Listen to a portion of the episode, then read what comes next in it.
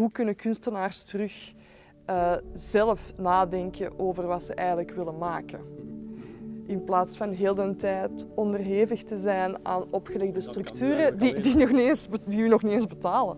Als je een tentoonstelling bij ons hebt, dan eh, krijg je wel credits en kan je ergens anders misschien je geld halen. Dat is de redenering. Tot en met de Biennale van Venetië, die zo werken. Dus grote instellingen die wij enorm eh, prestigieus vinden, maar waar eigenlijk niets tegenover staat. Als ik het niet doe, staan er al vijf in de plaats die het wel willen doen. Dus waar je ook een soort van zwakke positie krijgt. Het is echt alleen in de culturele sector dat ik mij zo waardeloos voel. Echt soms uitschot. Dus als je veel meer investeert in kunstenaars direct dan in instellingen, eh, kan je ook de onderhandelingspositie alweer van die kunstenaars ten opzichte van die instellingen verhogen. Kunst is juist om mensen te tonen hoe het anders kan of wat dat er ook nog kan.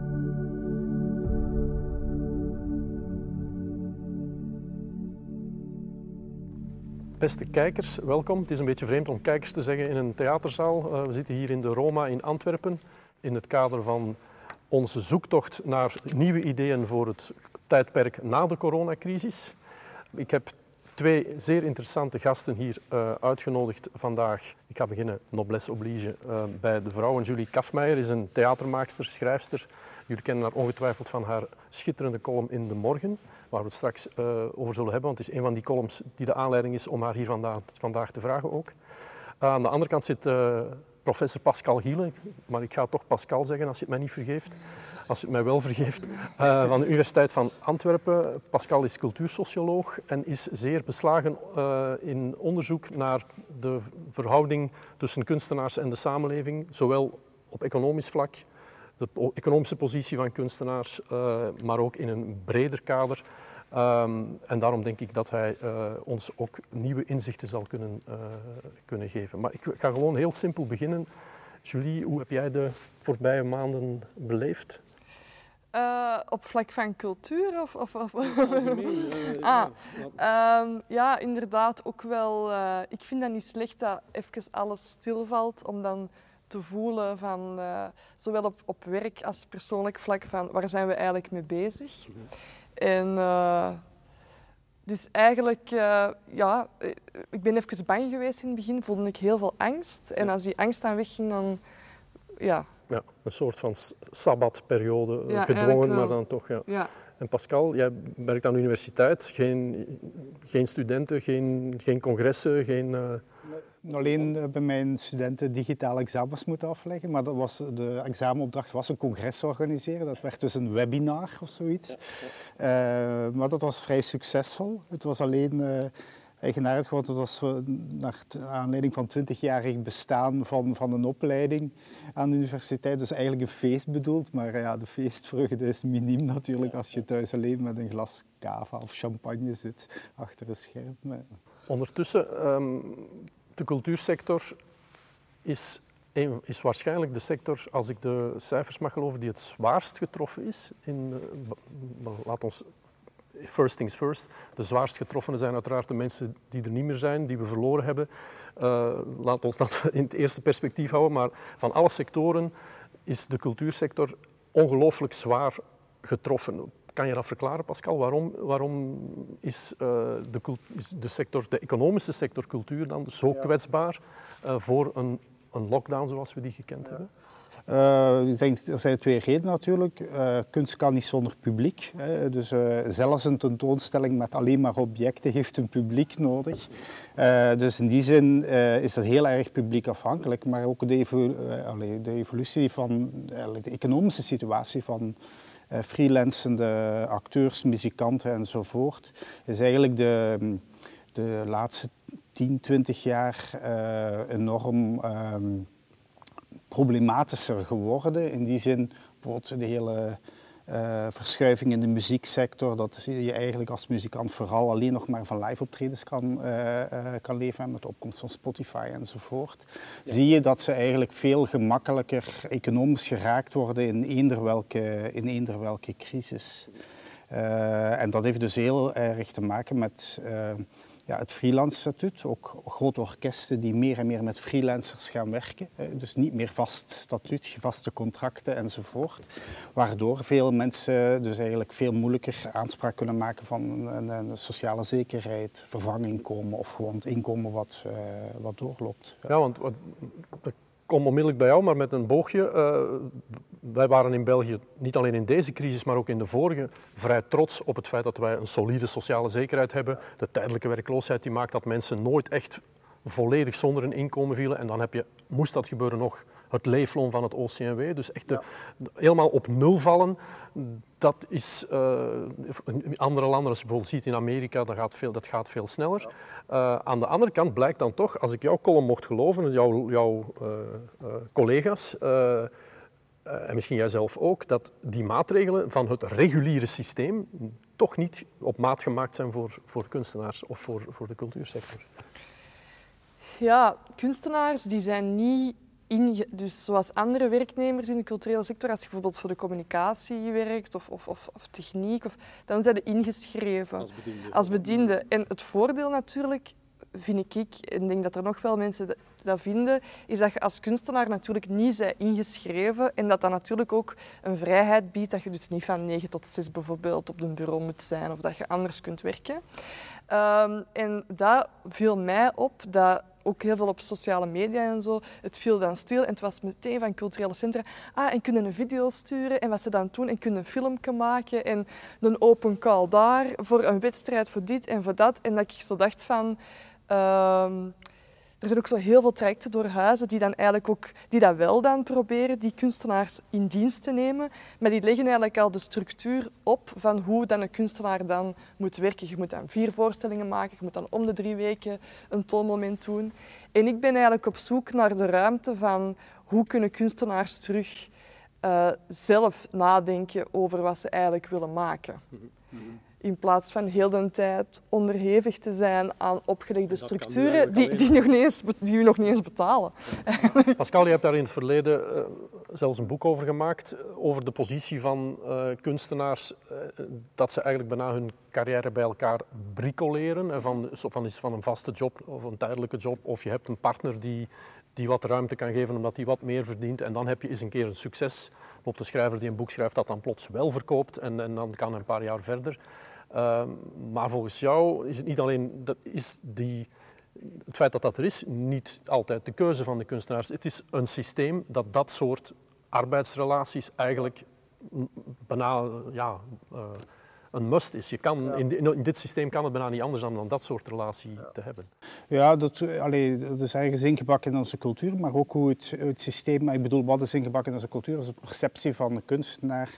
Ja, kunstenaar doet toch nog altijd vooral zijn hobby en de dingen die je graag doet, dat is de perceptie uh, die ervan bestaat. Uh, en daarom, uh, de reactie daarvan is ook van overheden, subsidierende overheden, maar ook van culturele instellingen in breedste zin. Uh, dat zij heel erg inspelen op, op uh, wat ik noem symbolisch kapitaal. men laat, men nodigt wel een kunstenaar uit om een tentoonstelling te doen enzovoort, maar zal daar niet voor betalen, want men zegt dan vervolgens, als je een tentoonstelling bij ons hebt, dan krijg je wel credits en kan je ergens anders misschien je geld halen. Dat is de redenering, tot en met de Biennale van Venetië, die zo werken. Dus grote instellingen die wij enorm uh, prestigieus vinden, maar waar eigenlijk niets tegenover staat.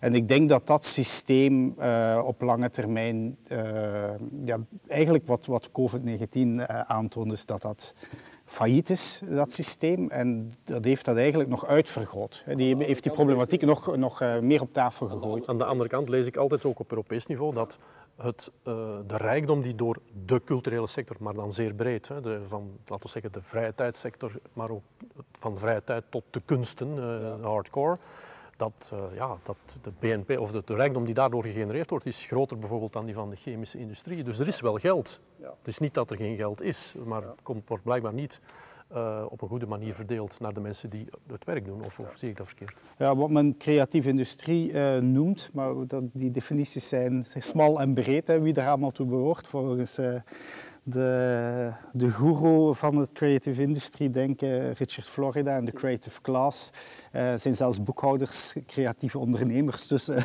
Je hebt creatieve, er zijn creatieve maar, boekhouders. Uh, er zijn heel veel correcte berekeningen en ik denk bijvoorbeeld, ik weet voor Duitsland bijvoorbeeld, wat je zegt over het BNP in Duitsland, komt, dit, komt de creatieve industrie net onder de auto-industrie. Voor Duitsland is, betekent dat wel wat.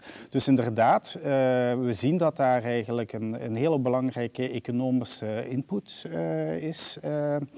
Uh, voor landen, maar men, daartegenover staat uh, dat, dat eigenlijk overheden, zo noem ik het dan maar, eh, die sector enorm uitbuiten.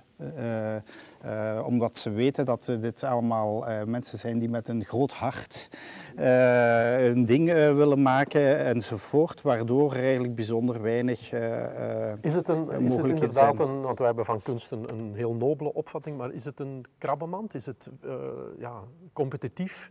Ja. Uh, er is de sector is, zeker jij zit in de podiumkunsten, die sector is nu gigantisch veel groter dan 30 jaar geleden. Uh, ik weet nog toen ik op de krant werkte dat wij op een bepaald moment de, de premières, uh, de recensenten uitstuurden om de premières van die week, dat er weken waren met 17 premières. Mm -hmm. Dat is op, ja, dat krijg je in een krant ook niet meer verzet op dat moment. Maar dat wil zeggen, er is veel speelgelegenheid, maar er zijn ook gigantisch veel mensen die willen spelen. Er zijn, er is heel, er zijn heel veel kunstenaars natuurlijk ook. Ja, ik heb eigenlijk het gevoel dat er eigenlijk ja, heel veel kunstenaars zijn of mensen, maar waardoor dat, dat ook soms is van, ah ja, als ik nu niet... Uh, zo van, ik vind dit bijvoorbeeld een te lage prijs of ik vind dit geen goede condities. Uh, dan zat er, zat er, als ik het niet doe, staan er al vijf in de plaats die het wel willen doen. Dus waardoor dat je ook een soort van zwakke positie krijgt en niet altijd waardige positie, omdat je voelt van... Ja, ik ging nu normaal een residentie doen in een kunstenhuis en dat wordt dan afgebeld en, en met die planningen. En dan denk je ook van, ja, maar dat ik dat nu doe of niet doe, er komt dan wel iemand in. Dus dat is ook nog wel soms zoeken van, oké, wat is aan mijn waarden of zo? Of waarom doe ik dat? Want ja, er is, ja, er is gewoon veel volk. Maar dus als, inderdaad, als jij het niet doet, staat er al iemand anders klaar om te doen. En dat weten uh, programmatoren ook. Hè. En daarom zou, eigenlijk, zou er voor mij ook in die sector zelf een soort van... Ik merk dat heel snel ook als je met theaterbazen en zo werkt. Van, ah, je mocht wel iets onderzoeken. Maar ja, wat is dan uw output? En wanneer is dan de zaal? En wanneer is dan uw tekstje? En, wanneer, en, en schrijft u subsidie. En als je subsidie hebt, dan mocht je het komen maken. Als je ze niet hebt, ja, dan pakken we wel iemand die ze wel heeft, want ze hebben ook geld nodig. Dus dat je zo... Je hebt eigenlijk altijd het gevoel dat je opnieuw moet beginnen. Ik heb heel veel vrienden die daar echt keigoede kunstenaars zijn. Die zijn al tien jaar bezig en elke keer is dat ze opnieuw zo, dat bewijzen en dat, en, dat, en dat knokken. En dat geeft zoiets... Uh, ja, wil ik En heeft, heeft nu wat we, wat we nu meegemaakt hebben en nog aan het meemaken zijn, uh, dat nog duidelijker gemaakt? Of heb je toch nu momenten gezien van, ah, misschien er is ook grote solidariteit geweest, ook waarschijnlijk onder de, onder de, in de sector. Uh, en iedereen wilde ook zichtbaar blijven. We zijn allemaal op het internet gegaan, we zijn allemaal digitaal gegaan. Het uh, toneelhuis werd het huistoneel en, en ja. uh, Bozar werd Bozar at home. Um, ja, misschien komt er een heel digitaal luik vrij waar nog meer, ja, waardoor uiteindelijk het speelveld nog ruimer gaat worden. Of gaat dat terug dichtklappen als, als alles terug uh, ja, normaal ik, wordt? Wat ik eigenlijk heb gevoeld, allez, als het dan gaat over artistiek bezig zijn of kunnen creëren, is dat natuurlijk dat je geen plek hebt. Hè. Dus al die studio, al die theaters, je komt daar niet binnen, dus je, je hebt geen plek om te creëren. En ik had dat misschien, maar misschien is dat naïef van mij, ik had dat misschien wel tof gevonden als er zo binnen de sector werd gezegd aan kunstenaars van hier zijn onze studio's, hier zijn onze plekken en doe maar iets en we proberen u te ondersteunen en we proberen dat te tonen zonder een format, zonder dat er gewoon zo van... Uh, eigenlijk heel simpel, maar dat zie ik precies niet zo heel veel gebeuren, of dat ligt aan mij. Is de sector dan te veel in laten we zeggen, regels en dossiers en, en, uh, ja. en straminen vastgelegd, ja, waardoor ja, die creativiteit je niet meer kan... Je kunt niks nieuw meer ontdekken. Dus eigenlijk doet de kunstensector mee met alles wat dat er al is. Deadlines, dossiers, regeltjes, dit en dat. Dus hoe kan er dan kunst is juist om mensen te tonen hoe het anders kan of wat dat er ook nog kan, om een verbeelding te triggeren. Van, uh, een zaterdagmiddag hoeft, ja, je kunt een zaterdagmiddag ook aan een waterval of op een winkelstraat of om een wereld groter te maken in plaats van één model. En iedereen zit precies in hetzelfde. Ja. Heel maar dat is nou, uh, alleen, ik, ik, zie dat ook omdat ik verantwoordelijk ben bij ARIA, Antwerp Research Institute for the Arts, waar we heel veel doctoraten in de kunsten hebben wat eigenlijk een soort van ook alternatieve subsidiepot is geworden. Maar dat is een, een van de argumenten wat heel veel kunstenaars daar zeggen, is er eindelijk terug tijd. Hè. Dus ook, ook mhm. uit een productielogica kunnen stappen van mhm. om de zoveel tijd hè, naar, naar een voorstelling werken enzovoort. Dus meer ademruimte hebben om u creatief te kunnen herbronnen, maar ook om, om u om op een duurzame manier uw creativiteit in stand te houden. Hè. Want ja, wat je heel vaak ziet in die sector is dat je van project naar project springt. Uh, mensen zijn eigenlijk al aan het denken, terwijl ze in één project het nog niet af is, zijn ze al aan het denken aan het volgende project waar ze in moeten zijn. Ze zijn voortdurend eigenlijk bezig met een soort van mentale sollicitatie hè, voor, het volgende project. En dat, dat uh, draineert enorm de, uh, de creativiteit uit uw... Als we een beetje pessimistisch bezig zijn nu, heb je altijd de neiging om nostalgisch te worden naar een tijd waarin het misschien beter was, maar was het vroeger beter? Maar ik denk bijvoorbeeld... Want ik heel bijvoorbeeld in de theaters, ja, vroeger had je vaste gezelschappen, die mensen hadden een loon, maar die, waren, die, die kloegen ook. Hè. Dat was, uh, ja. Maar wat denk, ik weet niet wat jij ervan denkt of, of jij, maar bijvoorbeeld basisinkomen, dat zou natuurlijk wel zorgen, zowel voor artiesten als ook voor mensen die in slechte jobs zitten, in slechte omstandigheden. Ja. Uh, allee, bedoel, want als mensen die voor Amazon of voor Bol of zo werken, dat schijnt echt heel erg te zijn. Nog erger dan, ik, dan kunstenaars. Um, als er een basisinkomen is, het is ook een soort van een waardigheid naar iemand. Ook zo voor kunst, ik, kan, ik spreek nu vanuit kunst, maar zo van, uh, ik ben iets waard. Ik kan, mijn werk kan iets bijdragen in plaats van, oh ja, jij niet, jij dan wel, uh, jij verkoopt niet genoeg up, buiten. Allee, het moet ook uh, heel confronterend zijn dat je de ene dag bijvoorbeeld, bij wijze van spreken, op de Rode Loper in Cannes of, of, of in de Biennale staat en een half jaar later moet gaan stempelen. Dat gebeurt of, of in kunstenaars erger, heel vaak. Of nog erger, want eigenlijk is dat nog niet zo erg, denk ik. Wat, nog erger is, is dat je heel een tijd in een systeem of in een structuur draait die dat eigenlijk niet van u is, waar dat je je eigenlijk zelf niet lekker bij voelt, maar waarin dat je wordt gedwongen. Want dat is wel de essentie van een kunstenaar, om zelf een werkelijkheid of realiteit of mogelijkheden te scheppen, in plaats van in een structuur mee te draaien, dan krijg je iets heel onderdanig. Omdat het zo is, omdat het zo moet, omdat ik moet overleven, omdat ik mijn geld nodig heb.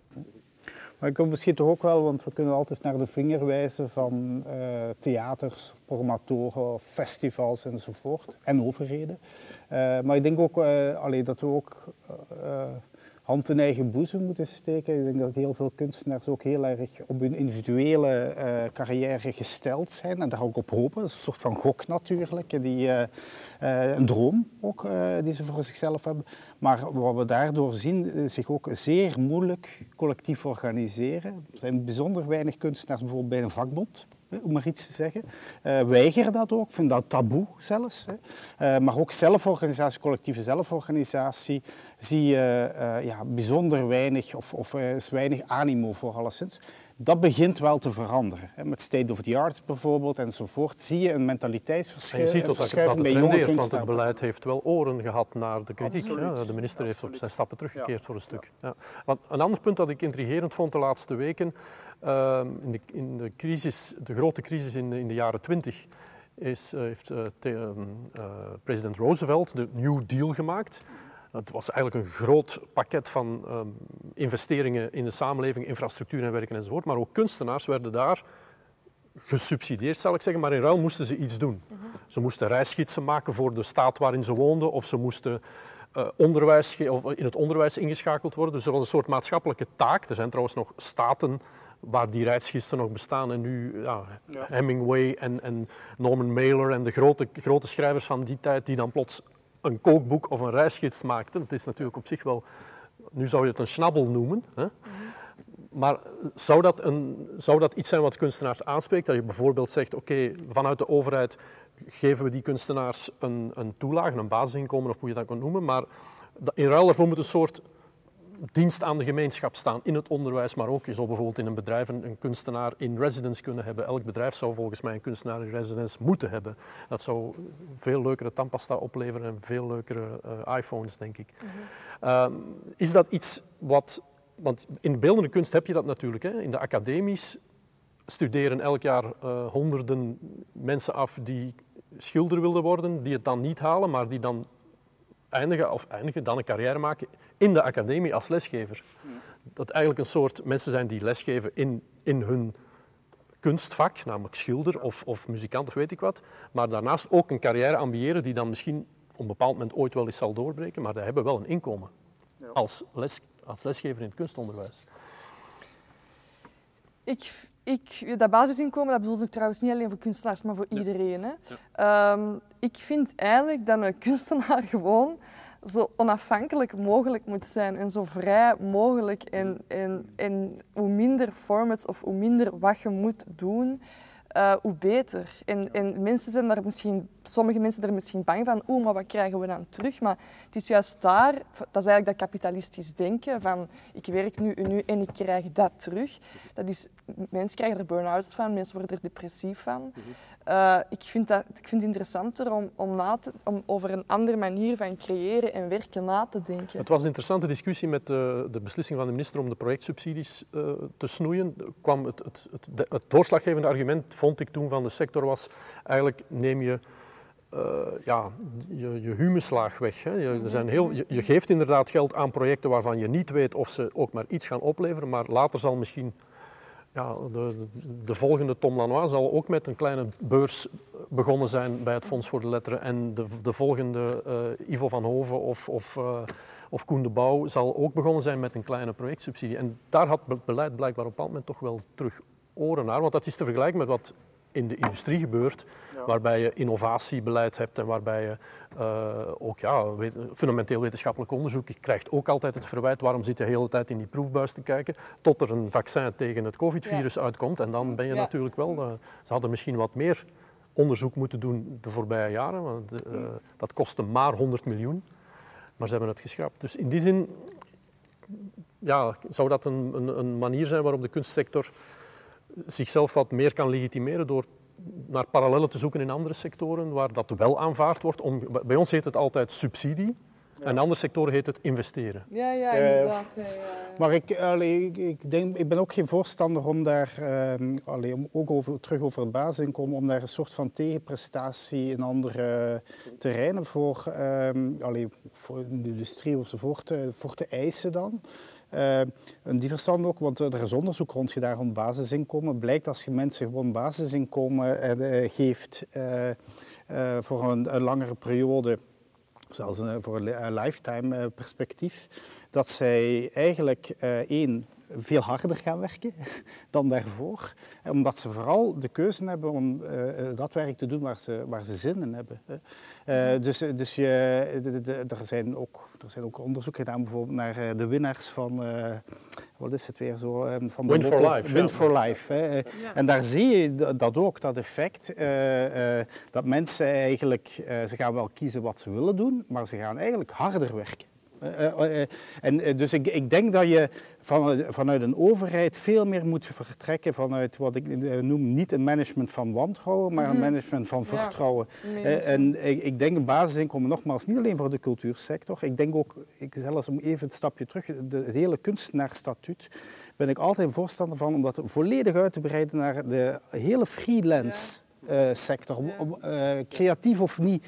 Uh, ik denk dat daar een, een, tool ontwikkeld is, die, daar zitten zeker problemen op. Dus, het is niet perfect, maar er is een tool ontwikkeld die eigenlijk veel meer beantwoordt aan de huidige werksituatie dan uh, ja, de, de, collectieve arbeidsovereenkomsten die nog gesloten worden enzovoort. Ook wat je ziet wat de vakbonden op dit moment doen, is toch nog altijd uh, eigenlijk het, het, klassieke, wat ik noem, Fordistische systeem, waar met collectieve arbeidsovereenkomsten voor een bepaalde arbeidersgroep eh, of sector ehm, een deal sluiten. Ja, de wereld is helemaal veranderd. Je ziet dat de werkgeversorganisaties, ja. Unizo en de vakbonden alle twee zitten te trekken aan de freelancers. Want zijn het nu werknemers of zijn het nu zelfstandigen? Ja, en, en Terwijl, ja, Ja. Je, hebt heel veel starters, je bent heel veel mensen die zelfstandig zijn. Maar uiteindelijk wil dat niet zeggen dat ze autonoom zijn. hè. Ze Nee. zijn eh, afhankelijk van, van iedereen die... die eh, Ja. Maar ik was nog over iets aan het denken. Van, ik, ben ook, ik vind dat heel inspirerend om vanuit dat vertrouwen inderdaad van dat Mm. basisinkomen. Want ik merk nu bij dat kunstenaarsstatuut, dat is eigenlijk ook een beetje een soort van vernederend statuut. Want je moet Ja. dan naar de RVA en je wordt dan, dat staat ook in mijn column, opgeroepen bij de VDAB. En als je een uitkering hebt, moet, mogen je eigenlijk ook niet in het buitenland zijn. Dus je zit, je, want je zit in het zogezegd werk aan het zoeken, maar je bent eigenlijk gratis aan het werken. Dus ik merk dat heel veel artiesten dan uit een soort van principe ook... Ze zeggen dan zo van, ja, maar werk dan gewoon onbetaald en dan heb je dat, dat statuut. Maar dat is eigenlijk gewoon een, een uitkering. Dat is niet echt een... En dan gaan mensen ook niet werken, dat snap ik. Omdat ze denken van, ik ben... Allee, ik je moet mij gewoon betalen. Maar als dat een soort van basisinkomen is, geloof ik ook dat mensen dan wel werken. Het gaat eigenlijk over een erkenning. En over ook als er dan een theaterbaas of zo zegt van ja, maar jij moet dat zo doen, dat je echt zegt fuck you, ik doe dat niet, ik ben weg. En, dat dan, en dat dat niet is van ah shit, die is weg, van ah dan komt er wel iemand anders. Maar echt dat je echt er iets tegenover. We moeten weg uit die eh, onderdanigheid. Ja. Dat is heel oninteressant, Maar je versterkt ook de positie. onderhandelingspositie met dat programmatoren enzovoort, op exact. zijn minst al, hè, Die de culturele sector. onderhandelingspositie Ja. mis ik zo hard. Ja. Ik heb dat in, want ik werk nu ook voor de krant en ik heb in de culturele sector. Ik heb mij, en ik heb ook andere jobs en zo gedaan daarvoor. En het is echt alleen in de culturele sector dat ik mij zo waardeloos voel. Echt soms uitschot. En ik check dat bij vrienden en die hebben dat ook. Allee, dus Een soort van alleen- profitariaat. ja, ja, je denkt echt zo van, huh, wat is dit? Als je in de niet gesubsidieerde sector heb je de commerciële druk en dan zie je dat dat een invloed heeft op de producten die gemaakt worden. Je gaat als, als schrijver of als filmmaker een hapklare bro- brokken Ja, maken ja. omdat je anders niet verkopen. Maar ook in een gesubsidieerd systeem wil je je conformeren aan bepaalde verwachtingen die subsidiecommissies hebben of, die, of dingen die en vogue zijn. Eh, Dat is ook een soort van vrijheidsbeperking. Je krijgt een soort, ja, je kan alleen maar, je weet als ik nu dat dossier indien met die en die invalshoeken, dan ga ik veel meer kans hebben om subsidie te krijgen dan wanneer ik eigenlijk mijn goesting doe. Ja, maar Heb je dat al gemerkt, of is ja, dat- wij hebben- ik heb dat wel. Ik had een hele goede mentor op school, eh Kool Sterpstra heette die, en die heeft mij echt geleerd van als docenten of eender wie iets zegt, gewoon ja knikken en vo- vervolgens volledig je eigen goesting doen en tegenover. Vind ik wel heel belangrijk voor heel veel mensen eigenlijk. Ehm, dus ja, je vraagt gewoon subsidie en dan doe je nog je eigen goesting. Er is niemand die gaat zeggen, "Eh, maar op dat papier, Allee, want dan worden, dan worden helemaal knettergek, denk ik. Maar ik denk wel dat er eh, gedacht kan worden ook naar eh, andere vormen van subsidie. Nu zit je eigenlijk nog altijd een soort van expertocratie, eh, eh, waarin een jury beslist en waar er af en toe nog altijd politieke inmenging in is, ook als het over grote dossiers gaat direct. Eh, maar wij kennen ook een subsidiesysteem waar bijvoorbeeld iedereen die zegt ik ben kunstenaar eh, mee mag onderhandelen voor subsidies. Eh, en en die gaan dan allemaal rond de tafel zitten. Dus je krijgt een hele andere manier van, van beslissingen nemen. Onder elkaar te laten verdelen. Ja, onder elkaar laten verdelen, maar je, krijgt, je denkt dan van, ja, ze gaan, hè, de concurrentie wordt nog hoger daardoor, maar je krijgt daardoor een heel ander systeem van meer co-creatie, eh, samenwerken, maar ook eh, samenwerken bijvoorbeeld op zakelijk vlak, hè, wat heel belangrijk is, waardoor je eigenlijk bespaart op een eh, pot. Eh, en dat is een heel belangrijk systeem om, om één ding te doen, en dat denk ik heel belangrijk is, om eigenlijk de keten van de hele creatieve sector om te draaien. Als je nu kijkt naar de, de keten die op het podium staat en die dus eigenlijk eh, media trekt, eh, maatschappelijk belang toont, is het de kunstenaar. Als je kijkt naar de inkomens, financieel, zit die onderaan de keten. Altijd. Hè. Dus de distributeur gaat erboven staan, programmatoren gaan erboven staan in, in loon, zakelijke leiding. Hè. Ken heel veel theatergezelschappen waar ik in de raad van bestuur zit. De zakelijke leiding is voltijds in dienst eh, en de artistieke leiding staat eh, soms een half jaar op de dop, eh, bij wijze van spreken. Dus daar, daar klopt helemaal iets niet in, in, in die keten. En ik denk dat we die keten echt moeten omdraaien. Waardoor je ook, dus als je veel meer investeert in subsidies in kunstenaars direct dan in instellingen, eh, kan je ook de onderhandelingspositie alweer van die kunstenaars ten opzichte van die instellingen eh, eh, verhogen. Een kunstenaar zegt dan ook, ik breng ook een zak geld mee. Als, als je mij neemt. dus dat is een hele andere onderhandelingspositie dan, dan er nu ervaren wordt. Dus ik denk dat je dat hele systeem eigenlijk moet omkeren en je kan dat. Je kan totaal andere regels voor ontwikkelen op overheidsniveau. Dus nu is het echt top-down. Uh, en ik ben echt voor een systeem bottom-up, waar je ook echt allee, reglementair kan vastleggen. waar je veel meer gelooft, ook in zelforganisatie, waar kunstenaars... Dat is ook een belangrijk punt, denk ik. Kunstenaars zijn heel veel bezig geweest, zeker in de jaren 80, 90, met hun eigen artistieke autonomie enzovoort. Maar ze hebben eigenlijk bijzonder weinig nagedacht of gedaan aan hoe organiseer ik mij ook autonoom eh, in een samenleving enzovoort. En, en dat is een heel... Uh, ik wil nog eindigen met, met een, een, een inschatting. we hebben op ja, we zaten allemaal voor onze televisie of voor onze laptop. We hebben niet veel anders kunnen doen de laatste maanden.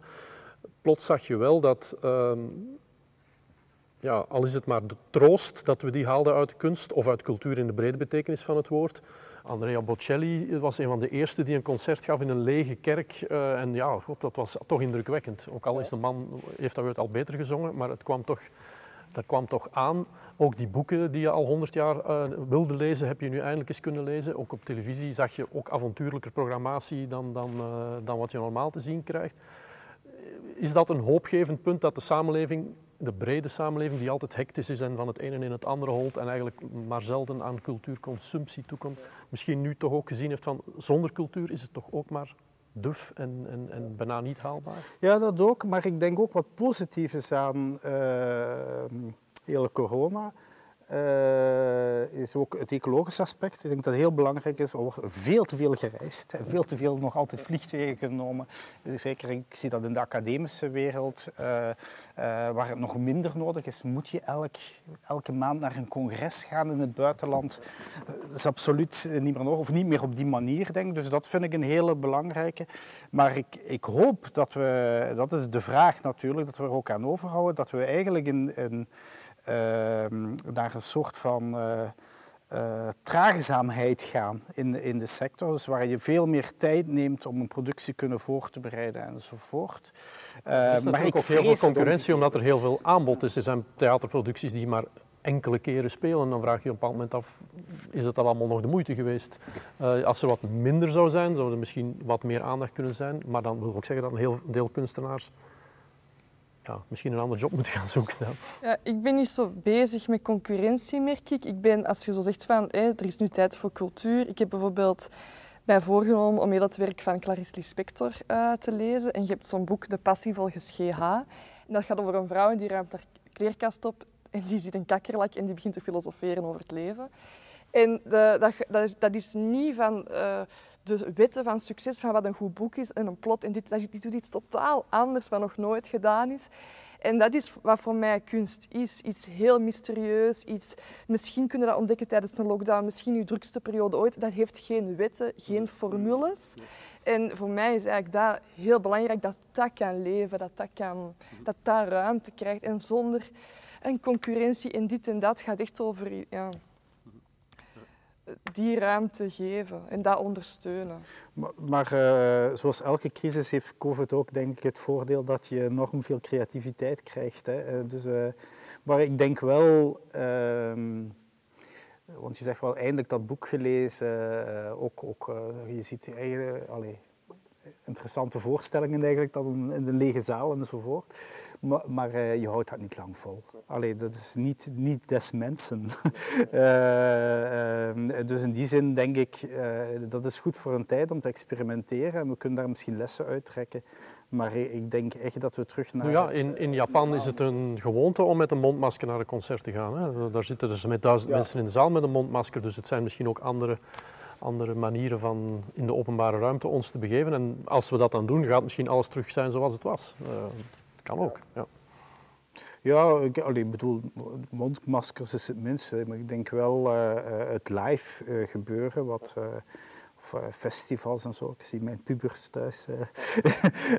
en dat begrijp ik wel heel goed. Je kan, je kan geen social distance Torhout Werchter of Werchter nu uh, organiseert. Dat, dat heeft totaal geen... Alleen bedoel, en daar zie je hoe belangrijk het sociale aspect is. En sociale relaties en nabijheid is een hele belangrijke...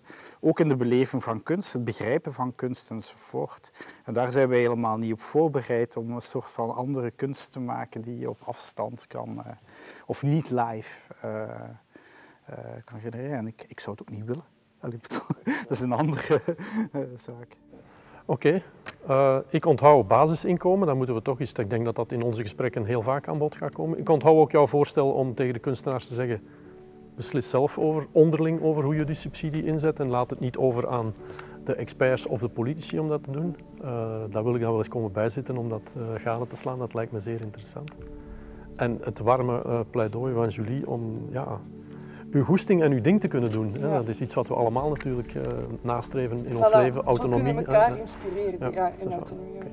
Dat vind ik een fijn einde. Ik dank jullie voor jullie uh, aanwezigheid en volgende keer zit hier volk in de zaal. Oké, okay.